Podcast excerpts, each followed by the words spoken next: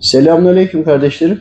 Ne zamandır bazı şeyler anlatmakta zorluk çektiğim bir konu vardı. Hastaların neden tekrar tekrar rahatsızlandığı, neyi eksik yapıyoruz veyahut da insanlar ne yapıyor gibi bir takım anlatımda arayışlar içerisindeydik.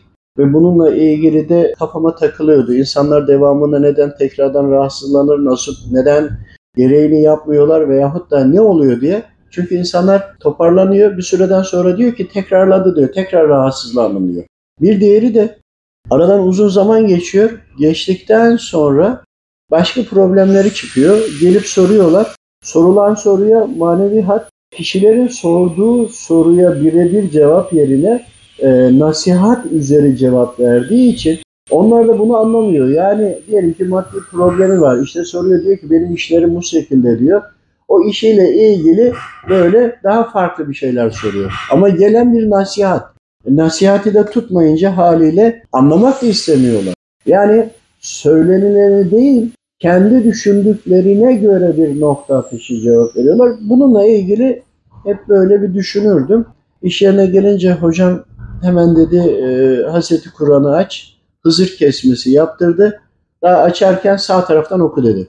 Zümer suresi 8 ve 9 okuduğum e, mealini okuyorum. İnsanın başına bir sıkıntı gelince Rabbine yönelerek ona yalvarır. Sonra Allah katından ona bir nimet verdiği zaman önceden kime yalvarmış olduğunu unutuverir. Allah yolundan saptırmak için ona eşler koşar. Şimdi bunu anlamaya çalıştığımızda aslında bize çok şeyler anlatıyor. Problemimizin bizim e, niyetlerimizin, amellerimizin altındaki şu. Allahu Teala bize nimet veriyor. Verdiği nimetlere biz kavuşunca Allahu Teala'dan geldiğini değil, kendi gayretlerimizle olduğunu düşündüğümüzde işin hikmeti gidiyor.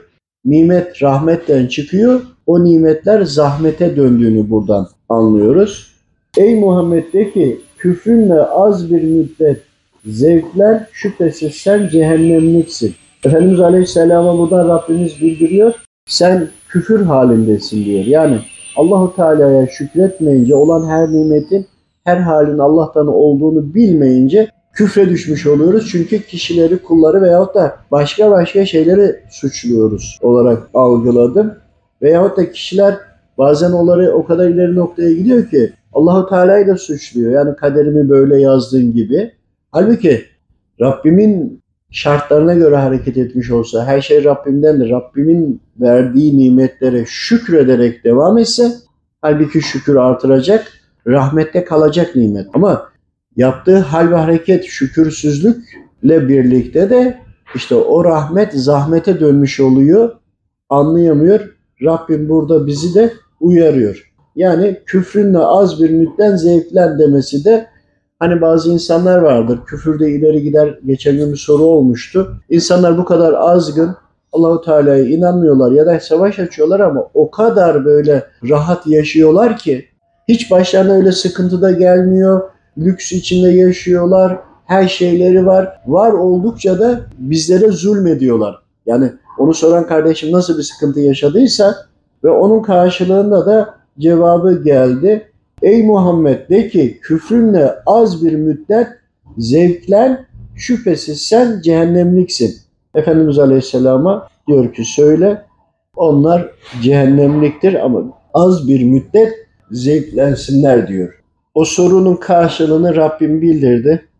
Manevi hat üzerinden mail attı diyeyim, cevap diyeyim. Zümer suresi 8-9 bu kardeşimizin sorusunun cevabıdır neden insanlar azdıkça daha çok azıyorlar ve çok daha rahat oluyorlar, daha lüks içinde yaşıyorlar. Azgınlıkları ileri safhada kalıyor. Hani inkar edenlerin yaptığı bu hal ve hareket başlarına bir sıkıntı gelmemesi bir zulümmüş gibi geliyor ama Rabbimiz de burada bildiriyor.